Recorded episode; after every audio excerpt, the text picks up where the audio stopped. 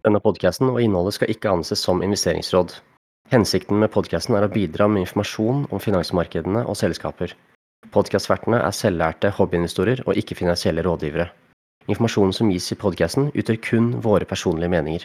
Hvis du legger vekt på noe du har hørt her, gjør du det på egen risiko. Verdipapirer som diskuteres i podkasten skal ikke forstås som en anbefaling til å kjøpe, holde eller selge nevnte verdipapir. Podkastvertene kan være direkte eller indirekte eksponert mot verdipapiret som diskuteres. Hei og velkommen til Stockup, en podkast om finansmarkedet og aksjer. Dette er episode 22, og vi skal snakke om to verdenskjente selskaper som folk bærer i lomma eller på telefonen eh, hele tida, og det er Visa og Mastercard. Alle har en eller annen form for assosiasjon med de her. Ikke sant, Kenneth? Absolutt. De er den foretrukne metoden eh, eh, for å gjennomføre betaling. Eh, så de har jo vokst seg til å bli enorme selskaper. Det er litt sånn interessant historikk de har, liksom, med at det var på 60-tallet et par banker som gikk sammen og bare la oss lage liksom gjøre det enklere for oss å, å motta og sende betaling, så lagde de Visa og Mastercard. Og så har på en måte de bare eh, surfa på denne trenden, sekulære trenden fra å gå fra kontanter til eh, digital, altså digitale penger og digitale oppgjør. Så banksystemet har jo vært utviklingen av banksystemet, at folk har fått egne bankkontoer de siste 50 åra. Det har vært en sterk vekst der. Det har jo vært eh, på en måte springbrettet for at vi som Mastercard har kunnet vokse seg så store som de er. Litt som vi kommer tilbake til, så vi som Mastercard de har jo dette nettverket hvor eh, det går informasjon mellom banker. Eh, og liksom hvis du skal bryte ned betalingsmarkedet, da, så er det på en måte fire hovedmetoder å betale på. Det ene er det som vi snakker om i dag, som er point of sale, ikke sant? med kort. Enten med et fysisk kort eller digitalt kort, eller via en kortet via en app eller noe sånt noe. Eh, og da betaler du, da kan du kjøpe ting i butikk eller på nett. Og så har du online banking. Det er ikke sant du sender penger fra en bankkonto til en annen. Eh, og så har du digital wallet, som er ikke sant eh, ikke en, en, bankkonto som er i banken, men det kan være en wallet eh, som noen andre har. F.eks. Apple har eh, en digital wallet. Eh, her kommer alle disse fintech-spillerne inn. Og så har du mobile pay payment, hvor du, har, liksom, du betaler med en device. Men her også eh, ser man at det, liksom, selv om du har en device, så må du ha noe du betaler med, som er da sant, enten digital wallet eller da et Visa eller Mastercard. Så Eh, Visa Mastercard har greid å liksom, selv om de har fått liksom utfordrere på metodikk for å betale, så har de greid å liksom gjøre seg selv relevante, som er veldig interessant. Og markedet er jo eh, fortsatt i vekst. Eh, hvor raskt point of sale-markedet og de andre markedene vil vokse fremover, er veldig vanskelig å anslå. Det er veldig mange som snakker mye om det, men men den sekulære trenden fortsetter eh, i hvert fall. Og det er fortsatt mange rundt omkring i verden som ikke har tilgang på bankkonto eller, eh, eller det finansielle systemet. Så jo flere brukere man får, i det finansielle systemet, jo bedre er det for Visa og, Mastercard. Og eh, vi tenkte du begynner først å se på Visa, så den har du sett på, Faruk?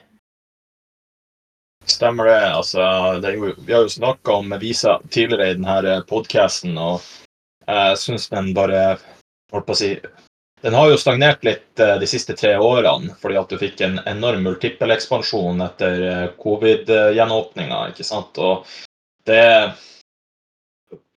er veldig sånn her hvor, eh, Hvordan skal jeg posisjonere meg til hvilken verdsettelse med Visa? Så jeg skal gå litt nærmere inn på det, men det, det det er mange som eier Visa-kort, men de forstår egentlig ikke hvordan forretningsmodellen funker. Så vi, eh, vi har jo begge fokusert litt på hvordan eh, forretningsmodellen til de respektive selskapene eh, er satt sammen, og, det er ganske fascinerende. Jeg skal starte litt med sånn grunnleggende tanker og, og informasjon om Visa før vi går litt over på, på verdsettelser og risikofaktorer. Visa Ticker V er verdensledende selskap innen digitale betalingsformer. og De opererer i 200 land.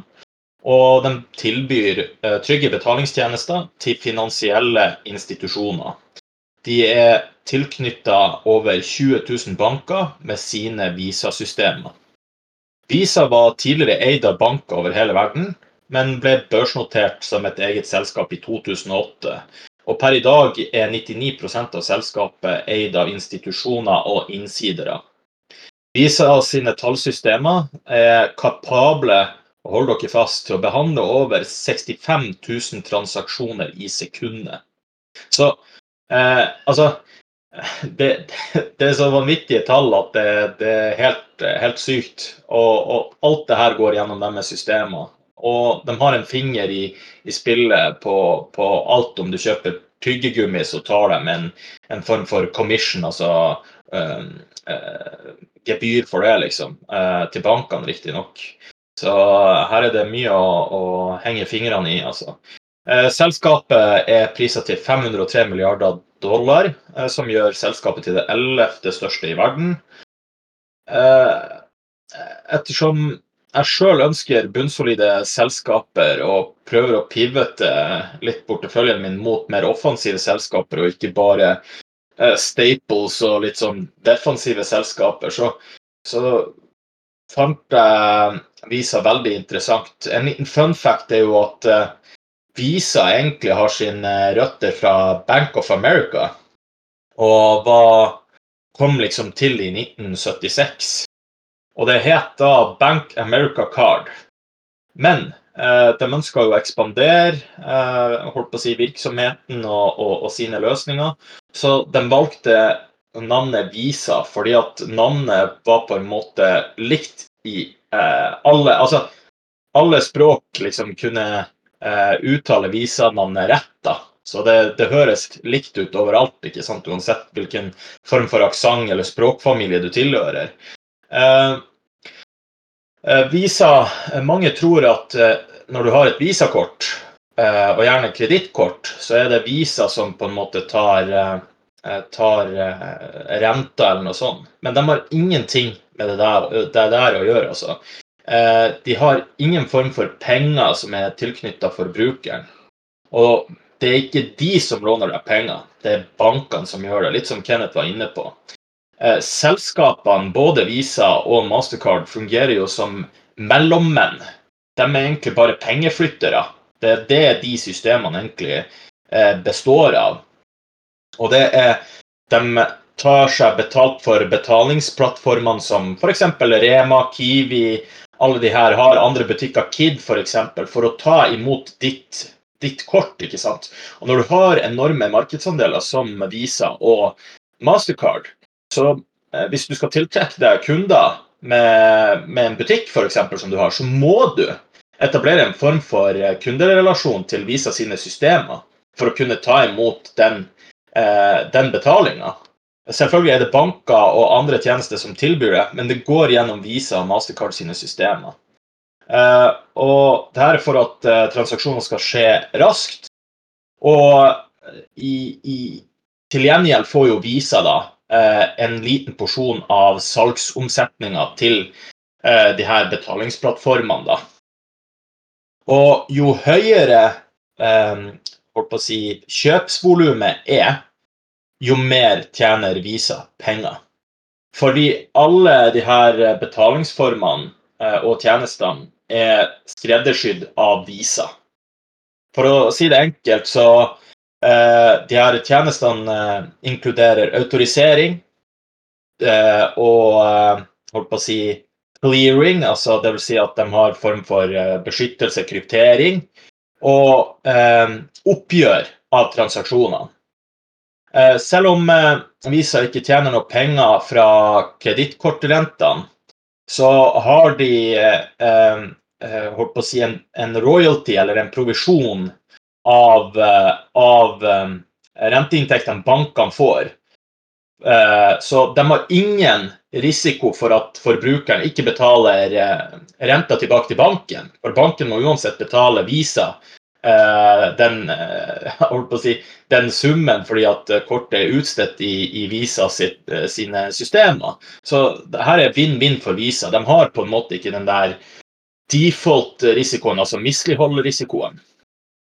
For å uh, se litt på Visas uh, historikk som en investor. Den har jo relativt fersk uh, historikk fordi den ble børsnotert under finanskrisa i 2008. Og Visa har belønna aksjonærene sine utrolig godt, med tosifra utbyttevekst hvert år, og ikke minst en utrolig fin eh, kapitalavkastning. Eh, Visa har gitt eh, aksjonærene sine siden børsnoteringa en kapitalavkastning på ca. 1000% Og for de som har eid aksjen fra 2008, så har man, gitt at man ikke har reinvestert noe mer, så har du en yield on cost på svimlende 30 målt i dollar. Og enda mer hvis du var investert i norske kroner. Da tror jeg det er faktisk opp mot 60% Så hvis du har investert 10 000 kroner der, så du, eh, får du i norske kroner i dag, eh, justert, altså basert på den svake norske krona, 6000 kroner årlig bare for å eie aksjen. Og så får du 3000 eh, kroner hvis det var bare målt i lokal valuta. Så du har fått tilbakebetalt hele investeringa di i cash og sitter på en rett og slett gratis reise. Og det er jo noe som vekker min interesse, og vi er jo en podkast som har egentlig hovedfokus i, i utbyttevekst. Så jeg, jeg klarer egentlig ikke å gi slipp på, på det her selskapet og føler at jeg må, må snart bare bite i det sure eplet og, og, kjøpe selskapet uansett om verdsettelsen er bitte litt strukket. Eh, fremtidsutsiktene til Visa er jo veldig gode på mellomlang sikt. Og når jeg sier mellomlang sikt, så tenker jeg egentlig fem til ti år. Volumet for kortbetalinger har økt voldsomt med tida. Eh, og vi har for første gang eh, siden 2019 passert at antallet kortbetalinger har overskrida cash globalt i hele verden. Eh, og det her eh, det, er viktig, det er imponerende, ikke sant? men det er viktig å være litt obs på eh, Vil veksten fortsette i samme takt, da? Ettersom at man på en måte har nådd en, en, et, et, ganske høyt nivå, da.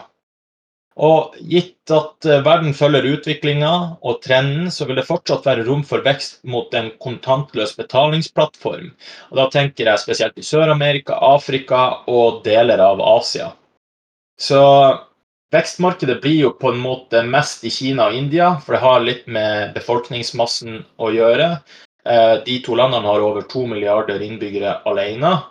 Og eh, ha i bakhodet også at Visa har en fortjenestemargin, altså net profit margin, på over 54% som er helt hinsides. Så de har eh, gode muligheter til å utkonkurrere eventuelle eh, knockoffs, eller om India eller Kina skulle komme med en konkurrerende enhet, noe som jeg ikke tror vil skje. Men det har vært litt sånn rykter om det ettersom at Brix BRICS har blitt kunngjort, og man er litt redd for, for de geopolitiske ringvirkningene. Men uh, vi lever i en global verden, og så lenge vi lever i en global verden, så vil Visa være vinneren her, tenker jeg da.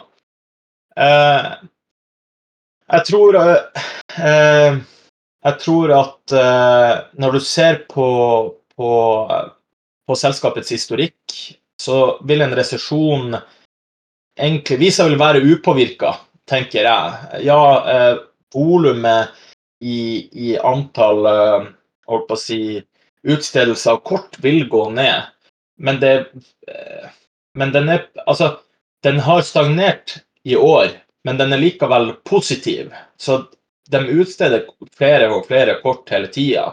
Så, så, veksten vil alltid være der.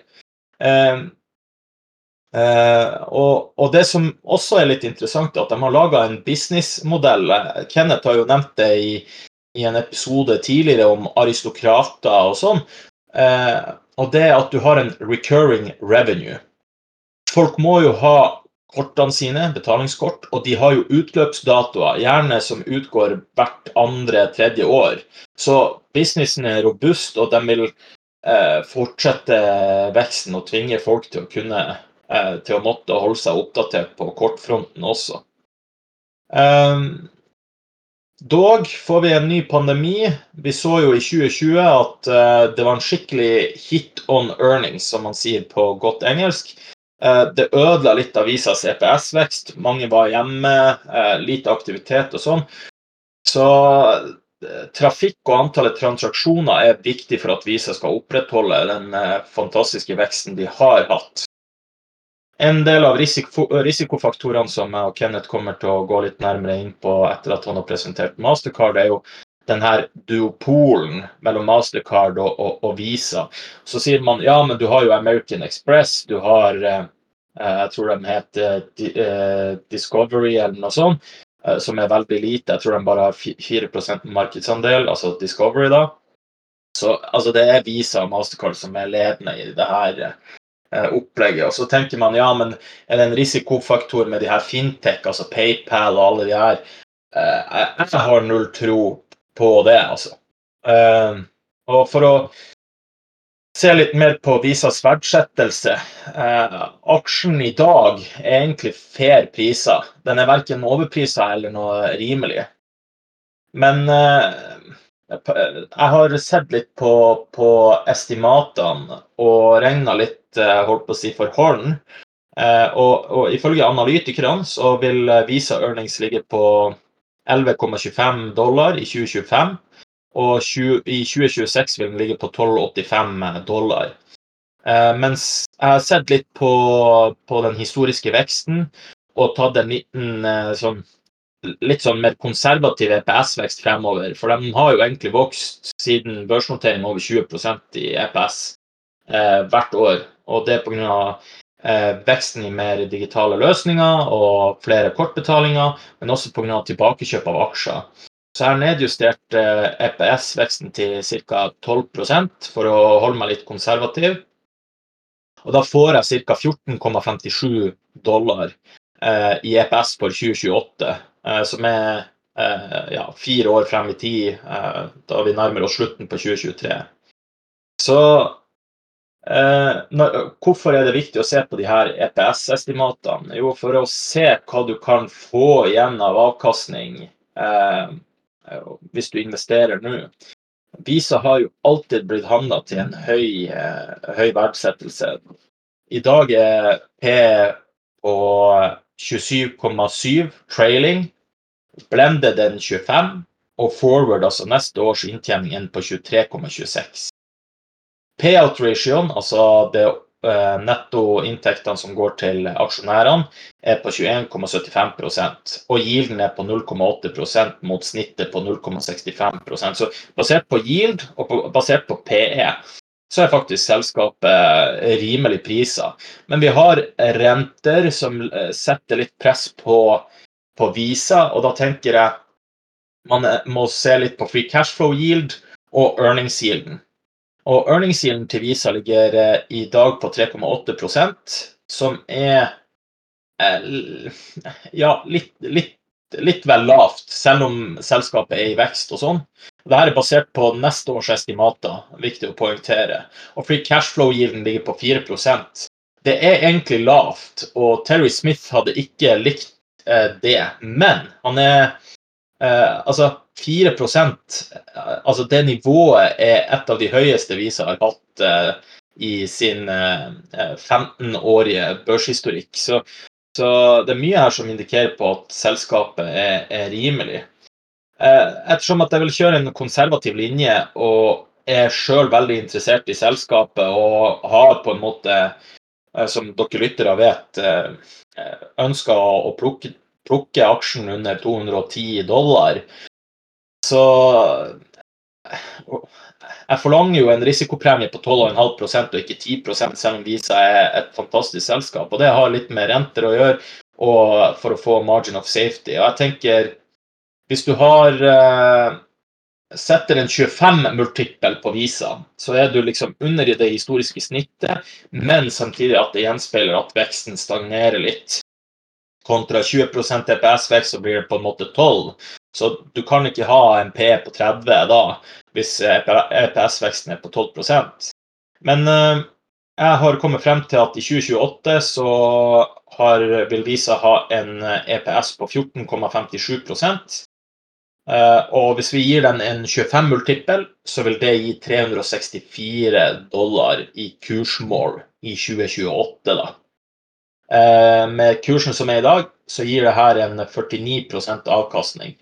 Så eh, delt på fem så har vi under 10% avkastning. Så her tenker jeg at hvis du ønsker å få en 12,5% avkastning på Visa ekskludert utbytte og ha en fin margin of safety og sove trygt på det her selskapet, så, så mener jeg at eh, du bør plukke Visa under 200, 230, altså.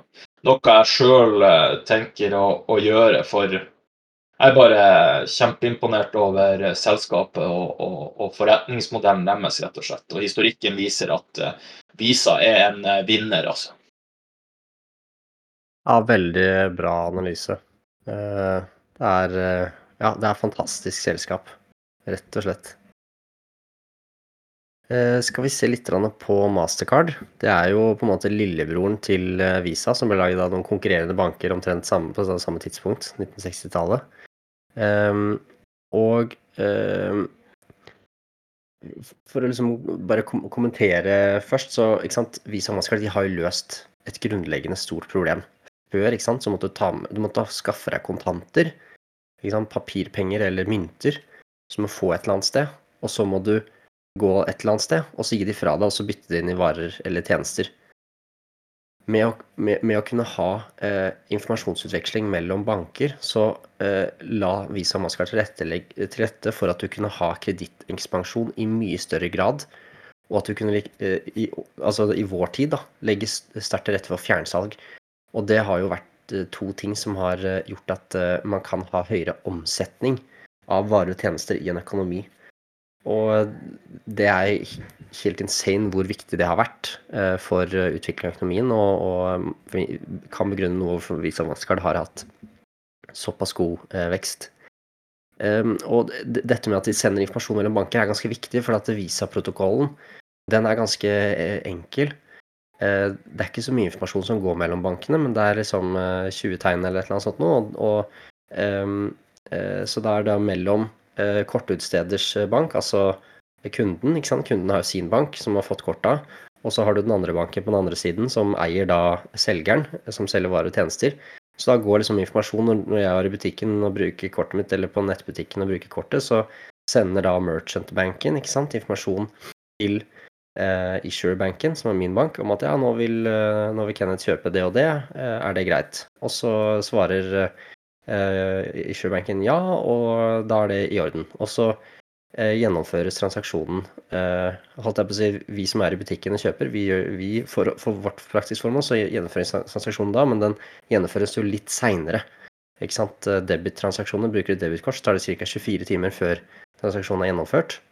Et, altså verifisert og sånn. Og så for kreditt så tar det to til fire dager. Um, og det jo, har jo vært en eh, ekstremt bra innovasjon eh, for, eh, for commerce. OK. Se litt nærmere på Mastercard. De har en markedsverdi på 360 milliarder dollar. De rapporterer i ja, to hovedsegmenter og fire undersegmenter. Det ene er ja, Total omsetning i siste tolv månedene var 24,3 milliarder dollar. Og det deles mellom payment networks og value add services. Eh, de har også veldig høye marginer, som vi har vært inne på, med Visa. Eh, de har fire på en måte revenue streams. Det ene er domestic assessment revenue, som er cirka, Ja, som er ganske mye. Og så er det cross border transactions, prosesseringsrevenue og other revenue.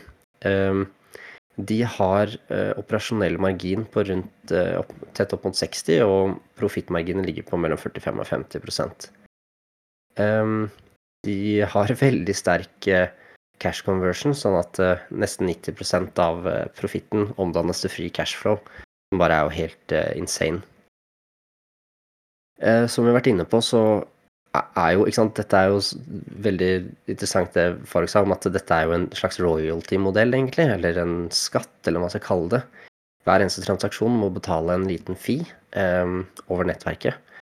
Og eh, da er det jo veldig interessant å se eh, hva slags eh, holdt jeg på å si, betalingsvolum eh, Hvordan det har vokst eh, over tid. Og Mastercard sitt betalingsvolum har fra 2010, det var da 812 milliarder dollar, Eh, det har vokst til 2,4 eh, trillioner eh, dollar i 2022, så det er jo en 200% oppgang, eller 16% årlig vekst. Det er helt utrolig.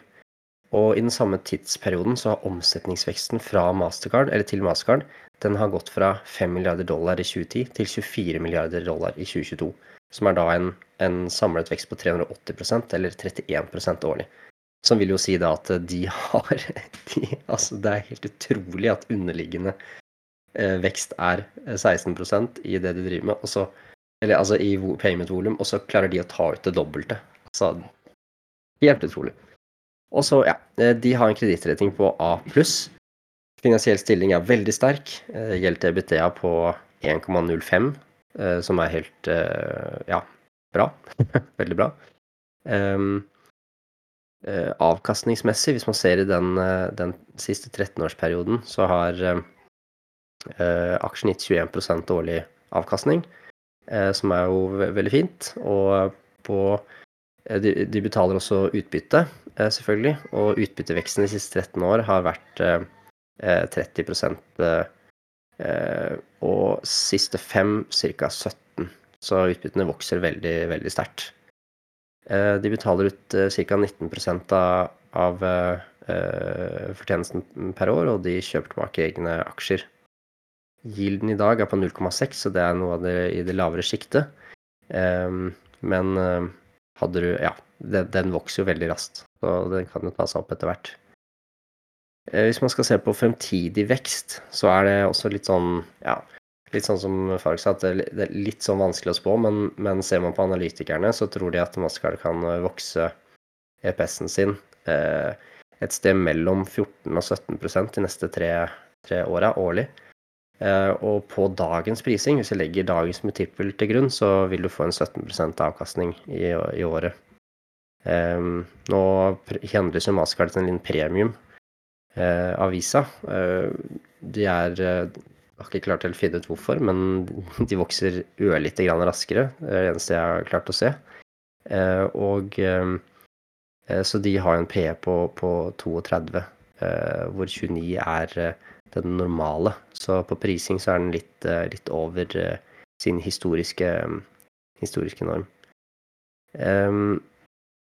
Det som jeg syns er veldig interessant her, er jo den moten som vi skal komme litt inn på. Og det er dette nettverket, ikke sant, som utgangspunktet er litt sånn jeg holdt på å si enkeltbygd, men, men, du har denne nettverkseffekten ved at uh, nettverket blir mer verdt jo flere brukere det er. Så jo flere selgere av varer og tjenester som bruker nettverket, jo mer verdifullt blir det. Fordi at da kan forbrukerne få tilgang til flere, eller få en enkel måte å betale for varer og tjenester hos flere. Sånn at da blir eh, Og Mastercard og Visa er på en måte nesten universelt akseptert eh, blant eh, både selgere og forbrukere. Sånn at de har en veldig sånn beskytta mote der. Og det er veldig skalerbart. Det ser man jo bare på, på betalingsvolumet, hvor mye det har vokst. Og når det globale betalingsvolumet vokser, så, så, drypper det ned på Visa og Mastercard. Um, ja, nei, jeg vet ikke. Altså, vi, vi, kan jo gå over og snakke på litt sånn fellesting og, og litt uh, risikofaktorer.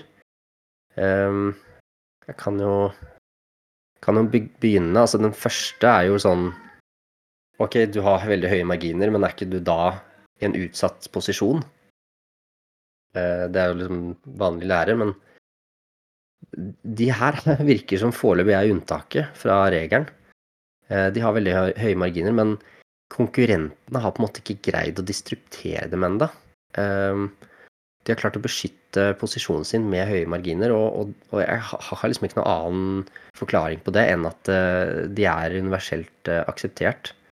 Uh, så, så, det er liksom Risikoen der er ikke så høy.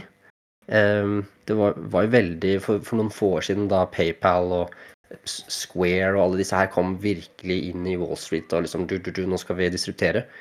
Så viser det seg at ja, de, de har jo vokst volumene sine, de også, men, men Visa skal har fortsatt å vokse sine volumer, så det virker som at markedet på en måte er stort nok. Det er, det er liksom ikke distrupsjon, det er mer på en tillegg. Jeg vet ikke, Har du noen tanker om det, Faruk? Jo, vet du, jeg, jeg er helt enig. Altså, vi har jo snakka om eh, risikofaktorer eh, på, på, Visa og, og Mastercard, og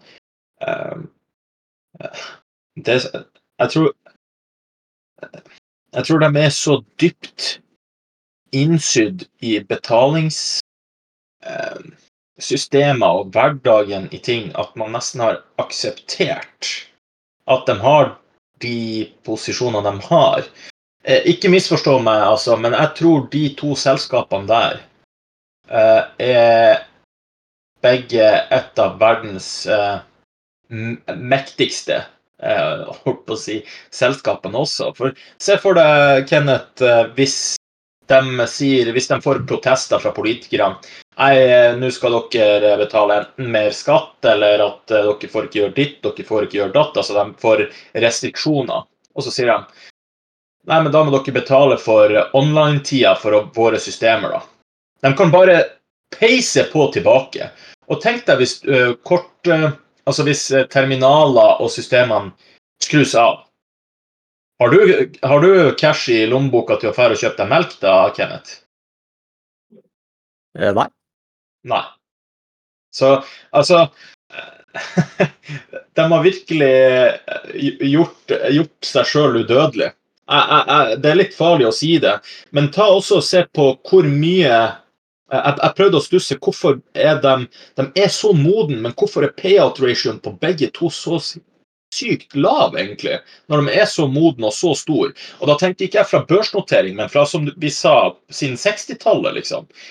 De investerer enormt i R&D, altså research and development.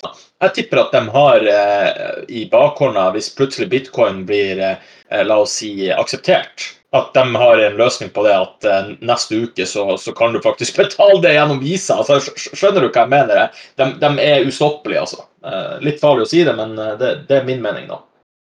Ja, ikke sant. Ja, det er veldig, veldig lett å tenke sånn, egentlig. For at uh, det, det, jeg dveler litt ved det du sa om at Og jeg er helt enig med at de er, veldig, de, de er så integrert i systemene våre. For de er, jo veldig Altså, de er jo egentlig en forlenga arm av bankene.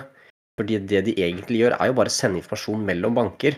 Så så lenge vi har banksystem, og så, så lenge vi har eh, kontor, eh, ikke sant, så vil eh, det være behov for å sende informasjon om at liksom OK, Kenneth han har 100 eh, kroner på kontoen sin, så han kan få betale liksom, de 15 kronene for den melka. på en måte. Så lenge, eh, så lenge vi har det, så, så, er det liksom uproblematisk. Uh, og litt det der du sa med at uh, politikerne liksom kan innlegge mer skatter og sånt noe. Det er jo noen eksempler på altså EU og Australia har jo sagt til avisa at nei, dere tar for mye i sånn interchange rate, som er den, den der fien som de legger på uh, hver transaksjon som i prinsippet er uh, merchant, altså selgeren av varer og tjenester som må betale, og så deles fortjenesten mellom utstederbanken, den tar mest, den som utsteder kortet, og så tar eh, Acquire-banken litt, og så får Visa en bitte liten del. Et par myndigheter har sagt at den renten der, eller raten, den må, eh, den må liksom skrus vesentlig ned. Og så har de gjort det og tenkt at da vil det være bedre for konsumenten. Men det har dessverre ikke det.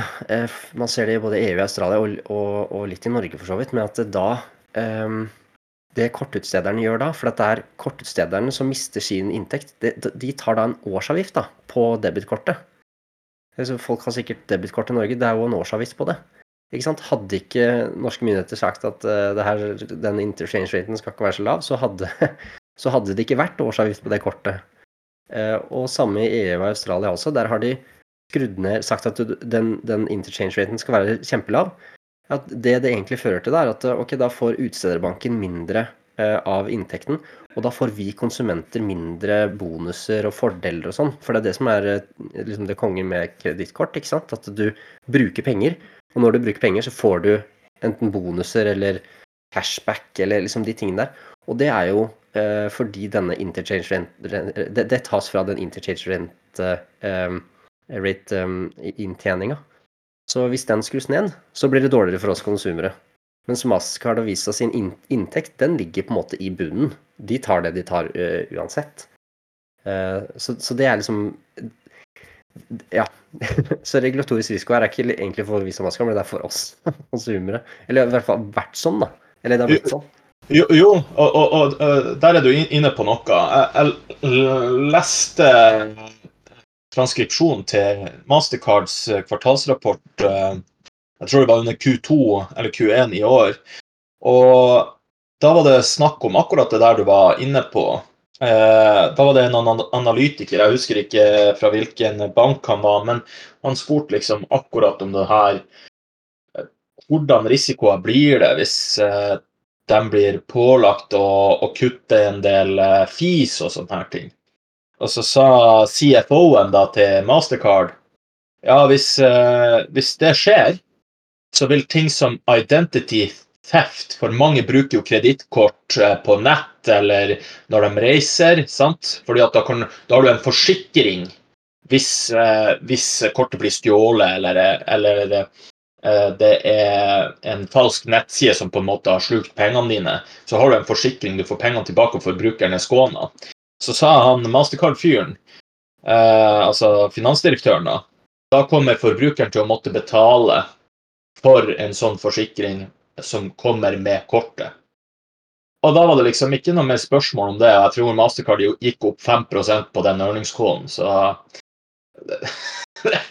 liksom, de, de, har våpen, for å si det sånn. ja, det er, veldig, det er, veldig, interessant hvordan vi tenker om, om, disse tingene, og politikerne ønsker å på en måte De, de har gode intensjoner med å liksom skulle prøve å, å begrense på en måte avkastning eller innflytelse som, Mastercard har, men men liksom, det de gjør, er på en måte grunnleggende godt. De har løst et veldig viktig problem for samfunnet. Også, også det med betaling, altså hvor mye selgeren av våre tjenester må, må, legge av av det han selger. ikke sant? Du tenker du selger eh, en pizza for 100 kroner, ikke sant? Så, så får selgeren av varetjenester for 97. Og så deles tre kroner på nettverket. ikke sant? Litt går til utstederbanken, litt går til anskafferbanken, den som har eh, selgeren, og litt går til Mastercard. Og så hvis, eh, hvis forbrukeren da, som har betalt, hvis han har et godt kort med en god cashback, så får jo han litt også. Eh, men så skal du, ødelegge, skal, skal du inn og regulere det der, så, så, vil antageligvis det føre til at, at forbru, forbrukeren får, eh, får mindre. Og kanskje merchanten får noe mer, men, men ja, det, det, er usikkert.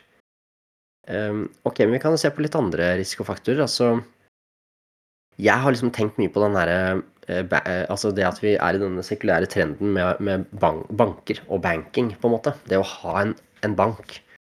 Uh, det er mye snakk om at banker uh, liksom er litt under vann for tida og liksom sånne ting, men uh, og, og, det kommer tilbake til at liksom penger liksom, Hva er egentlig penger? Penger er jo ikke fysiske penger, sånn som lapper, ikke sant. De var jo Altså, man hadde jo lapper før. Skulle man gå Og så blir de akseptert, ikke sant. Så er det, det er på en måte penger.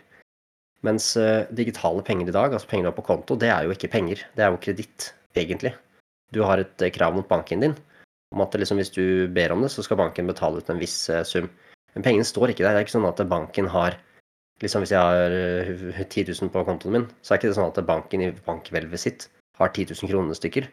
Sånn er det ikke. Dette er bare liksom informasjon i, i, på data, på en måte. Og så dette er, dette er kreditt, hele greiene. Men hvis vi går over fra å ha liksom og da, Det vil da si at penger som sådan er fungible, de er ombyttbare. Det spiller ingen rolle om du har den krona eller den krona.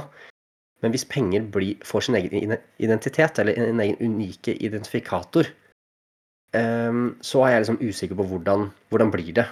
Da, da, vil, da vil penger være unike. Uh, og de må da eh, lagres, og det må være register og, sånt noe. Og kanskje det da blir for mye informasjon for Vishåndverket til å kunne prosessere. Veit ikke. Eh, men eh, og, og, kanskje ikke da er nødvendig med banker. Fordi de, det er jo de som liksom sørger for at penger kommer Altså skapes. Altså kreditten skapes. Men hvis er Hvis alle pengene er digitale, og de er unike, så trenger man ikke å Altså da skapes det antakeligvis ikke banksystemet. Um, men ja, dette er, dette er way below, uh, above my pay grade til å skjønne noe av, men det er i hvert fall noe å tenke på. da, at liksom, Hvordan blir Visa og Mastercards posisjon dersom vi får penger på ja, blokkjeden eller et eller annet sånt noe i fremtiden? Jeg tror Det er derfor jeg sier at Visa på mellomlang sikt er et veldig safe bet. Der, folk sier at det der er rett rundt i hjørnet, men jeg tror det er, det er mange eh, holdt på å si, rettssaker og juridiske holdt på å si, forhold. Det her vet du bedre enn meg som, eh, som advokater. Men det, det er mye som skal til, og det er en lang prosess hvis det skal komme til det. Tenker jeg, da. Ja, det, det må altså Det er flere sentralbanker rundt om i verden som driver med sånn CBDC, altså Central Bank Digital Currency, ikke sant? hvor da de har eh, og, da, ikke sant, Det er jo starten, på en måte, så det begynner der. og EU skal vel innføre noe etter hvert, og Kina har det vel, og, og USA snakker om at de ja, eller Fed har vel en Fed now og greie, men det er litt sånn derre Ja, veit ikke helt, men men noe skjer nok i løpet av liksom noen år, for at uh, myndighetene er veldig opptatt av å bekjempe terrorfinansiering og hvitvasking og alle disse tingene. ikke sant? Så, så, og det kan du ikke enkelt gjøre ved, ved pengesystemet sånn det er nå, for det er bare krav. ikke sant? Uh, så du veit ikke hvor pengene ender opp. Men kan du tracke pengene, så kan du jo finne ut det. De må være på nettverket et eller annet sted. Men eh, ja, så, så, det er jo ikke godt å vite hva som skjer med det, men eh, business as usual så bør ting være bra for Visa maskard. En annen ting som kanskje kan liksom eh, Visa Mastercard de har liksom ikke så mange muligheter for å forbedre nettverket sitt. fordi at eh, det er på en måte brukeren Altså bankene har en del kontroll over det. De kan ikke liksom Skal de endre protokollen, så må det ha samtykke fra bankene, og det er ikke så lett. Men det har liksom ikke vært behov for det, for at Visa-nettverket har vært såpass bra. og Mastercard såpass bra. Du kan få altså En vanlig debittransaksjon den, den blir gjennomført eller settla i løpet av 24 timer. og Kredittransaksjonen tar to til fire dager, så det er på en måte helt OK. Men det kan jo tenkes at det kommer teknologier som gjør dette enda raskere, eh, og at det kan bli en seriøs utfordrer. Men, men de utfordrerne har jo det, dette problemet med at du må jo få utstrakt adopsjon av produktet ditt. Og der har jo Visa Maskard langt foran. Ikke sant? De har jo jobba med dette siden 60-tallet. Um, ehm, det er i hvert fall ett selskap som jeg vet som driver med sånne kryptogreier som heter Ripple. De har en teknologi som gjør at du kan settle transaksjoner på tre til fem sekunder. Uh, som de snakker om at de liksom kan Og de er veldig gode på sånn cross border-greier. Um, så det, det kan, kan tenkes at for sentralbanker, og noen sentralbanker som har begynt å samarbeide med, samarbeide med dem for å lage en sånn CBDC, da, men i hvilken grad det kommer til å ta over for Visa Mastercard, det, det aner jeg ikke. Det er i hvert fall noe å følge med på. Absolutt. Men uh, har du en posisjon i Visa eller Mastercard? Nei, jeg har ikke det. Og grunnen til det er liksom en risikofaktor vi ikke har touchet innom, men det er liksom geopolitikk. Jeg tenker liksom den største risikoen for Visa Mastercard er at de er amerikanske. Ikke sant? Det er, uh, nettverket deres er superviktig. Det kan være så viktig at egne stater velger å liksom bygge sine egne.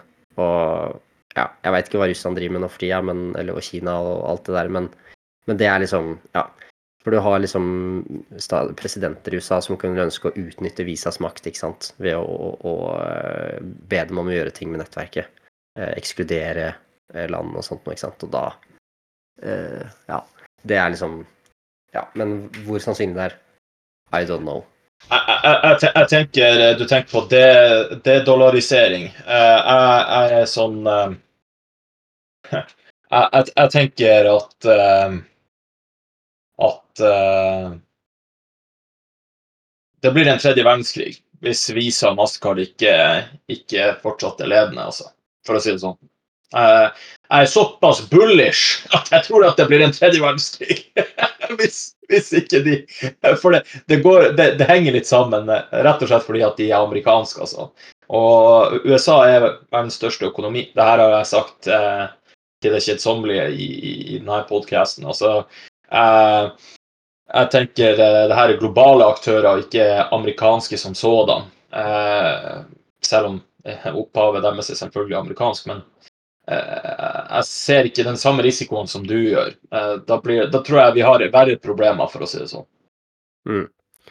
Ja, nei, altså, jeg, har ikke noe, noe, mer å melde enn det. At det, liksom, det, det kan være um, Altså at du kan få konkurrerende nettverk fra, fra, andre stater. Eller ikke konkurrerende, men at det liksom uh, Visa og Mastercard-nettverkene kan bli på en måte begrensa. At liksom, ok, nå er det 215 land, men men liksom OK, Russland lager sin egen greie, ikke sant, så da faller det utenfor, og så ja, jo, men, men, men, men, jo, men Kenneth, se, se her. OK, Russland etablerer en. Hvem reiser til Russland? Ingen europeere, ingen amerikanere. Så å si hele vestlig verden er, har jo sanksjoner mot dem. Hvem drar som turist og ser Vinterpalasset i St. Petersburg? Ingen. Dessverre. Jeg hadde en drøm om å dra til St. Petersburg og har blitt invitert dit flere ganger. Jeg har en kompis eh, eh, som faktisk er nå i, i, i, Dubai eh, fordi at han eh, ikke vil bli kalt inn i krigen. Men, men eh, holdt på å si nok om det, men eh, jeg, jeg, tror ikke europeiske eller amerikan, altså den vestlige verden, jeg tror ikke de kommer til å tilpasse seg en betalingstjeneste eller eh, eh, issuer fra Kina, Russland, India, eh, Sør-Afrika, Saudi-Arabia. Det tror jeg ikke. Og så er det mm. spørsmålet, ikke sant. De, de ønsker jo å reise til Europa. Japanere, eh, kinesere, eh, russere. Sant? De drar til Tyrkia, Kroatia, Italia, Frankrike og sånn. Eh, holdt på å si, Nå tenker jeg utenom sanksjonene og at de ikke er velkommen. Men eh, altså, de vil til oss. Alle ser til Europa. Europa har lengst historie. Europa har de mest interessante kulturene. Nå er jeg litt sånn bias, men, men det, det, er på en måte sentrum av verden. Selv USA er litt mer abstrakt og en, en nyere nasjon som sådan i forhold til historie. Så jeg, jeg, jeg tenker Uansett hva de prøver på, så vil Østen prøve å være mest lik Vesten hvis du skjønner hva jeg mener. Kina må åpne økonomien sin, og har gjort det, hvis du sammenligner med fra 90-tallet. Så eh, Visa og Mastercard vil ha en finger i spillet uansett. Ja, nei, absolutt. Jeg tenker bare at uh, vi som Mastercard har vært en vinner i globaliseringsutviklingen, på en måte.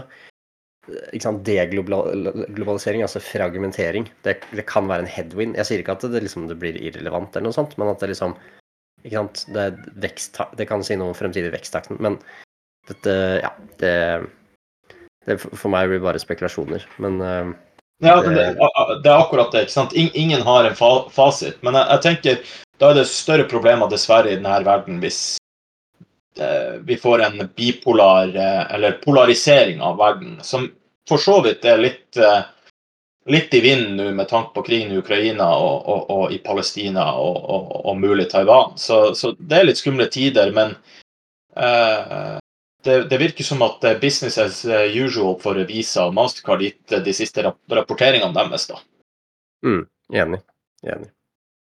Men uh, hvem ville du valgt av Visa og Mastercard, da, Kenneth?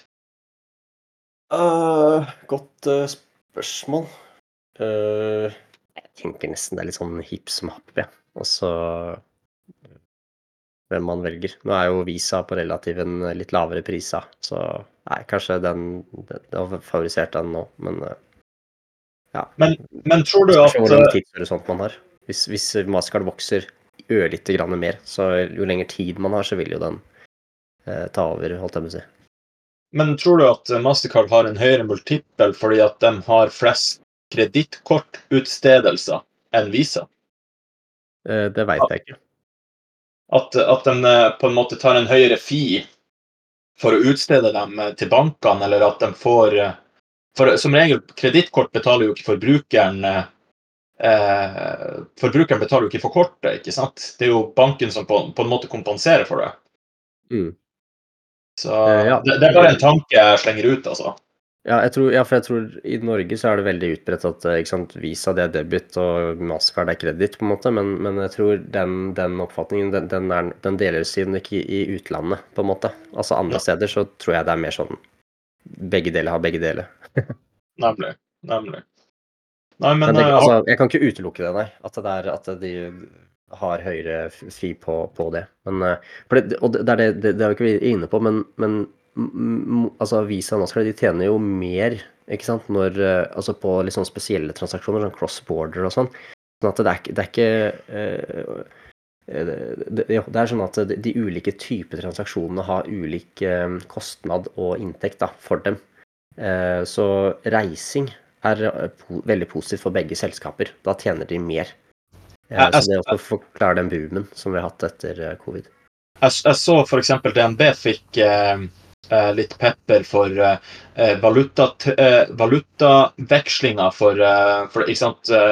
alle vet vi er inne i en dyrtid, og folk som reiste i sommer, klager på at ja, DNB hadde et veldig høyt påslag. Nå vet jeg ikke hvordan det er med andre banker sånn i forhold til valuta. sant? Mm, og, ja. og, da skyldte de på at Visa og de her kort, altså kortselskapene uh, måtte ta sin del av kaka.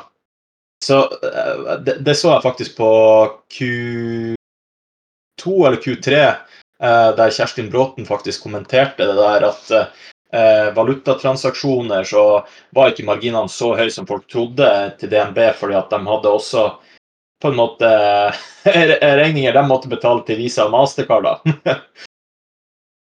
mm, ja, ikke sant. Det, og det tror jeg det stemmer. Mm, så stemmer. så det, det, har jo litt av forklaringa der. Mm. Ja, hvem, eh, ja, du, hvem, vil favoriserer du? For meg, for meg er det Visa, og, og uh, Holdt på å si Jeg har uh, jeg, jeg, jeg, jeg, skulle til å si jeg må ha den, men, men jeg, følger med, for å si det sånn. Jeg vil gjerne finne plass til den. Det er jo et globalt selskap, så jeg er ikke så avhengig av den amerikanske økonomien. Men samtidig, du ser jo på, på rapporteringene både til Mastercard og Visa at, at uh, det operasjonelle i forhold til kortveksten, så er den Veksten er der, men den er soleklart nedadgående, og spesielt etter Silicon Valley Bank og litt sånn bankkrise i, i USA og Sveits i mars så har faktisk det gått eh, dramatisk ned. Nesten over 50% hvis du ser på investorpresentasjonene. Så, så veksten er der, men, eh, men, det er tydelig en slowdown i økonomien. Og de her to er, skikkelig, eh, er skikkelig gode indikatorer på hvordan det faktisk går med verdensøkonomien. Mm, ja, og det er veldig viktig poeng det der, at det er veldig interessant uansett å følge med på de selskapene og hva de sier. Kan lære veldig mye av det. 100% 100% Yes, og det var det vi hadde i dag, folkens. Altså Visa Mastercard. Veldig interessante businesser. Anbefaler alle å ta en titt på dem. Eh, hvis du har lyst til å komme og diskutere med oss, så er det bare å bli med på Discord. Der ligger eh, informasjon i, i eh, episodeteksten eh, til hvordan du kan komme deg dit. Så ønsker dere en fin dag. Takk for oss.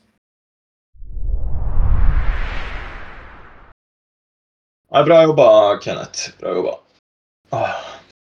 Nei, hva du syns om markedet eh, som har vært? Nei, det er, eh, er, litt av rebound, det. Nei, vi får se. Det er eh, Det mest interessante er at um, holdt jeg på å si, arbeidsledigheten økte til 3,9 um, i USA. Jeg syns det er så latterlig. Altså, snakk om at Jeg holdt på å si Eh, gode, eh, gode, nyheter prises inn eh, flere ganger, altså. Apple, sin earnings Jeg, jeg, syns det er mye rart, mye rart, som skjer også. Jeg syns aksjemarkedet er ekstremt dyrt. Alle selskapene jeg har på watchlist, Kenneth, jeg har ingenting jeg kan kjøpe. Jeg har ingenting. Og jeg gidder liksom ikke å gjøre Hershey til min største posisjon heller, vet du. Nei. Så, så, det er litt sånn kjipt. Jeg vurderer faktisk å kjøpe tiåringen. Jeg vurderer faktisk å gjøre det. For uh, Bill Appman er sjøl faktisk litt bullish på at renta ikke skal helt, uh, helt ned enda. Og det, det, tror ikke jeg heller. Altså, noe må knekke før Fed Fed pivoter, tror jeg. Mm. Ja. Så Er det noe du jager etter, eller? Nei hva er jeg ser på nå for tida? Nei, jeg er jo veldig Altså, vi Altså, nå Jeg, jeg tror jeg er helt Altså, foreløpig så er, er, pausen her.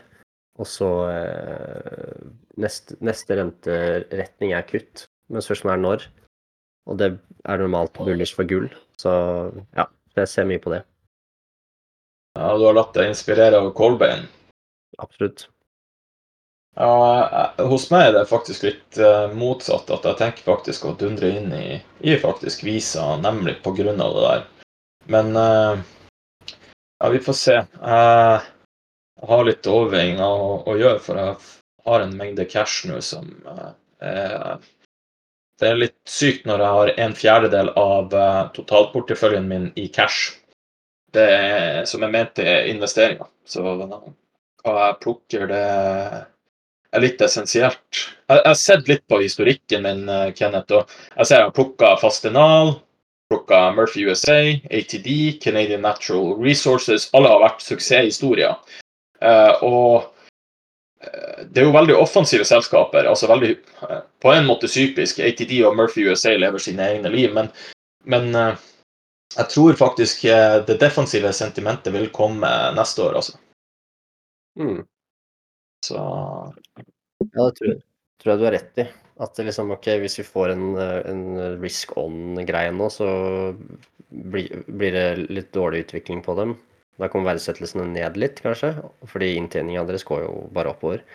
Så neste år, når ting noe knekker, så vil kapital reverseres igjen. Ut av aksjer og inn i bonds, kanskje inn i staples, kanskje inn i gull. Ja, de tingene der. Ja, Staples er jo billig at the moment. Jeg vet ikke om du så Hershey sine tall, og det var liksom 20 DPS-vekst og topplinjevekst, og så uh, Ja, nei, jeg ser liksom ikke problemet der. Kakaoprisen er jo på all time high. altså Elfenbenskysten er jo verdens største kakaoprodusent, og der er det litt eh, tørke etter El Niño og sånn, og en del av avlingene er ødelagt, men eh, Hershey har alltid eh, berga seg mot, eh, mot høye kakaopriser historisk, så kanskje man skal ta et lodd der i håp om at eh, marginene eh, blir pressa oppover når kakaoprisen endelig eh, reverseres om et halvt år. Ja, det, men det er mer spekulasjon, da. Jo, jo, men man må ta noen bets. Ja, ikke sant. Ikke sant. Nei, jeg følger veldig med på den, jeg også, egentlig. Jeg har sett på noe sånn der hode, skulder, kne og tå-greier, du. Altså Det er eh, Det er eh, Jeg liker å kjøpe når, når jeg på en måte veit at jeg ikke mm, Altså ikke må tape på kort sikt. ja. Du så jo McDonald's fikk jo en rebound av de her defensive selskapene, i hvert fall. Mm. Men det er jo fordi at kvartalsrapporten deres var jo faktisk helt insane, da. Mm. Absolutt. I'm forced to eat there. Nei, men jeg skal la deg, la deg være i fred, og så får du ha eh, riktig god helg og kos deg med dine. I like måte. Kos deg med med barnebursdag. Jo, takk for det.